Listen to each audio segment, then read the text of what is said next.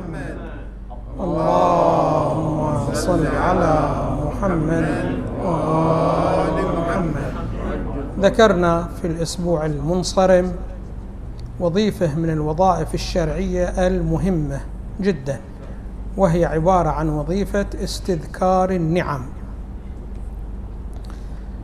هذه الوظيفة أسندناها برواية عن عن أمير المؤمنين سلام الله عليه. مع النبي صلى الله عليه وآله. وهذه الرواية مشتملة على عدة فقرات. أنا ما استعرضت الفقرات نتيجة لضيق, لضيق الوقت. الأخ أبو حيدر جزاه الله خير لخص الكلمة وعرضها. إلى الإخوان يقرؤونها على الموقع مال المسجد. وكان الرواية مشتملة على فقرة من الفقرات. هذه الفقرة استوقفت الكثير من القراء وظن أن الإمام سلام الله عليه يشير إلى معنى وفي الواقع الإمام سلام الله عليه لا يريد هذا المعنى فهم طلبوني توضيح أكثر لهذه الفقرة. الفقرة قلنا بأنه النبي صلى الله عليه وآله دخل المسجد ورأى أصحابه في المسجد. فسألهم أريد واحد منكم يعد إلي أهم النعم العشر الذي أنعمها الله سبحانه وتعالى عليه. فابتدر أمير المؤمنين سلام الله عليه في تعداد هذه النعم. فذكر أن هناك النعمة الأولى أنه لم أكن أنا موجود الله سبحانه وتعالى أخرجني من العدم إلى الوجود. ثم بدأ يستعرض شنو ماذا؟ النعم إلى أن وصل إلى هذه النعمة. أن الله سبحانه وتعالى عندما قرر أن يوجدني أوجدني ذكرا ولم يجعلني أنثى. أوجدني رجلا ولم يجعلني امرأة. فالبعض قال هل أمير المؤمنين سلام الله عليه يستنقص بالمرأة؟ حاشا أمير المؤمنين سلام الله عليه. فإن أمير المؤمنين سلام الله عليه هو تلميذ القرآن. وأساسا كرسول الله صلى الله عليه وآله كان خلقه هو القرآن. والقرآن ماذا يقول؟ نحن نقرأ هذه السورة المباركة. بسم الله الرحمن الرحيم. والعصر إن الإنسان لفي خسر إلا الذين آمنوا وعملوا الصالحات. فلا قيمة للرجولة بما هي رجولة ولا قيمة للأنوثة بما هي أنوثة وإنما القيمة لمن؟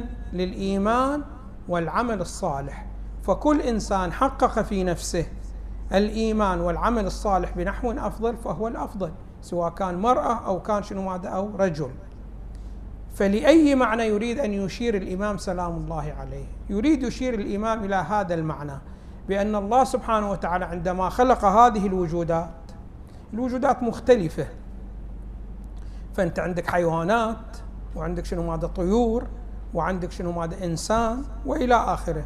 يقولون كل وجود من هذه الوجودات له كمال خاص به وله استعداد وتهيؤ أن يصل إلى هذا الكمال. فالرجل بما هو رجل الله سبحانه وتعالى خلقه وجعل له كمال يمكن أن يصله. كما أنه المرأة أيضا جعلها وخلقها ولها كمال يمكن أن تصل إليه. الطير أيضا له كمال يمكن أن يصل إليه. وهكذا كل الموجودات شنو ماذا في الخارج. الآن هذا التنوع لا بد منه لحصول النظام الأحسن في العالم. فما يمكن أن يكون شنو هذا النظام الأحسن في العالم فقط فيه رجال من غير شنو هذا إناث. بل لابد من الإناث ولابد من الرجال. وهذا التعدد بلا إشكال يستلزم استعدادات. شنو؟ هذا مختلفة التكوينات مختلفة يستلزم استعدادات مختلفة. لذلك نحن نشاهد الآن مثلا شوفوا إحنا ما عندنا امرأة نبي كما أنه ما عندنا امرأة شنو؟ ماذا إمام. هذا معنى أنه شنو؟ ماذا هناك مرتبة من الكمال. ليس في استعداد أي وجود أن يصل إلى هذه الكمال. إلى هذا الكمال إلا شنو ماذا؟ إلا الرجل بهي الصورة وبهذا النحو. فهناك مرتبة من الكمال لا تستطيع المرأة أن شنو ماذا؟ أن تصل إليها. ولكن هذا مو معنى أنه المرأة أو الرجل أفضل من المرأة لا. لأنه الاستعداد هذا ما يعني الأفضلية. الله سبحانه وتعالى خلق هذا مستعد وهذا مستعد. ثم الأفضلية تكون لمن أخرج الاستعداد إلى الفعل. وإلى الاتصاف الفعلي به. فالآن مثلا أنت الآن كل واحد يطلع من بطن أمه له استعداد أن يكون طبيب ويكون دكتور ويكون صاحب شهادة عليا. ولكن قلة قليلة التي تصل إلى ما هي مستعدة إليه. فإنه الاستعداد فقط هذا ما يعني الخروج إلى شنو ماذا؟ إلى أنت مست... ما أنت مستعد إليه. وإنما يحتاج إلى جد وإلى اجتهاد وإلى آخرة حتى توصل إلى هكذا الشيء. فعندما نقول شنو ماذا؟ أن الرجل فيه استعداد أن يصل إلى كمال. هذا الكمال أكثر ما هو موجود في المرأة. هذا ما يعني أن الرجل هو أفضل من المرأة. نعم إذا أخرج هذا الاستعداد إلى الاتصاف الفعلي عند ذلك شنو ماذا؟ يكون هو الأفضل. فالآن النبي صلى الله عليه وآله هو كان مستعد لأن يكون شنو ماذا؟ نبي. ولكن هذا الاستعداد ما يعني أفضليته من البقية. لا ولكن عندما فعل هذه الصفة وصار بالفعل هو متصف صار شنو ماذا؟ صار أفضل. فإذا نحن ما نستطيع أن نقول بأن الرجل خير من المرأة لا. الرجل خير بالمرأة إذا شنو ماذا؟ فعل ما هو مستعد إليه من الكمال. وإلا فالمرأة هي شنو ماذا؟ آخر خير منه. إذا حققت الإيمان والعمل الصالح أكثر مما يحققه الرجل فهي شنو ماذا؟ خير منه.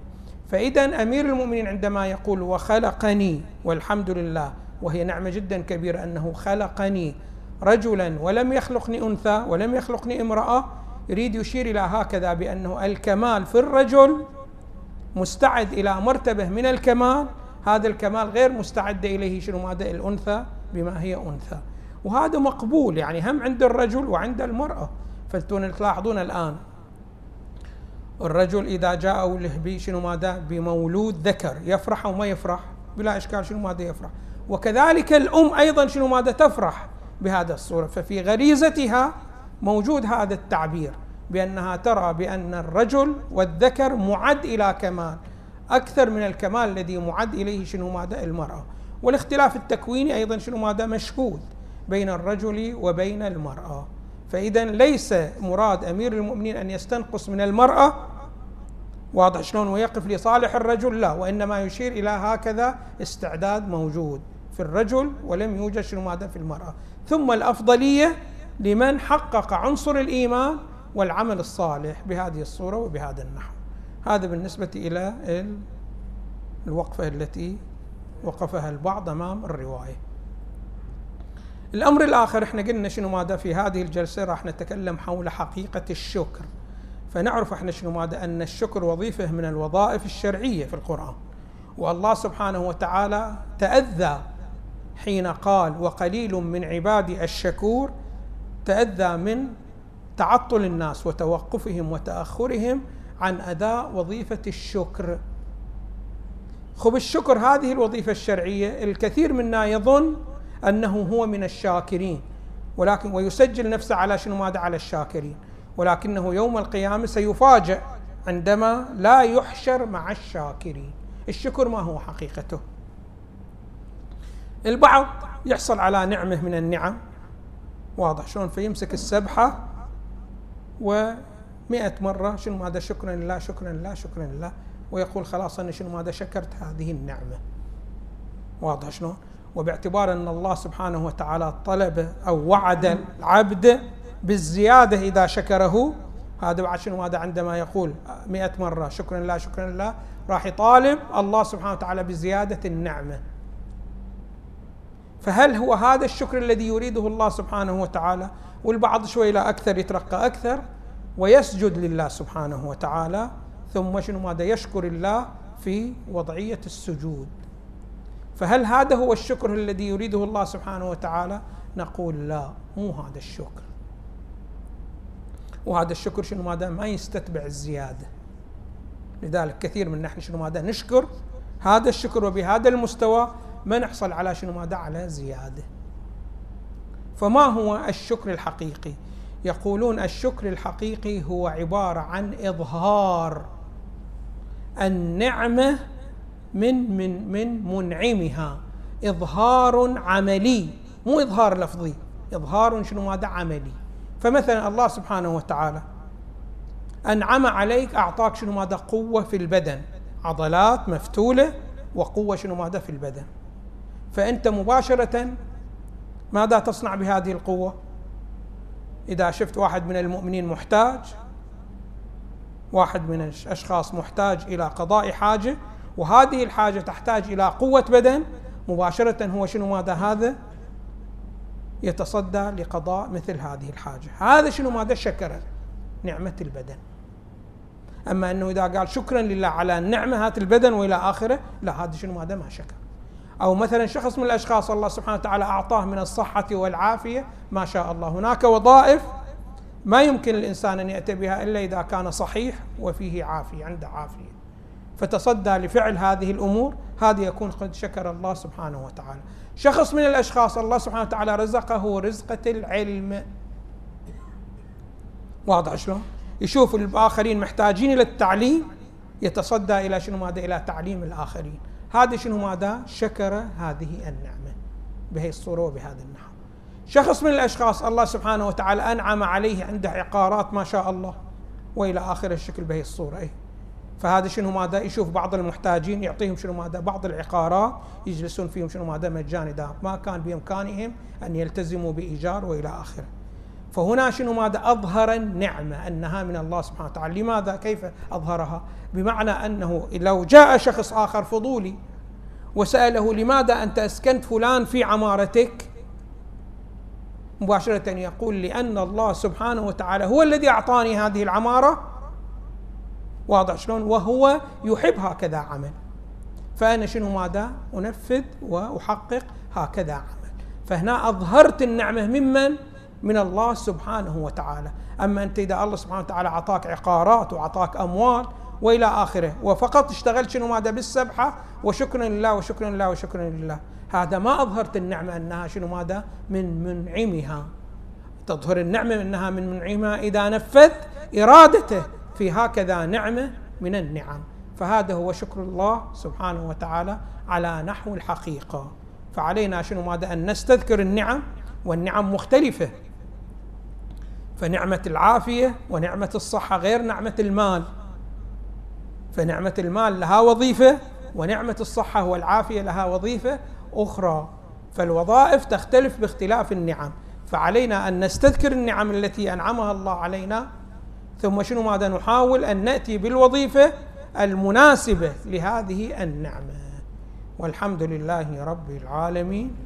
وصلى الله على محمد وآله الطيبين الطاهرين.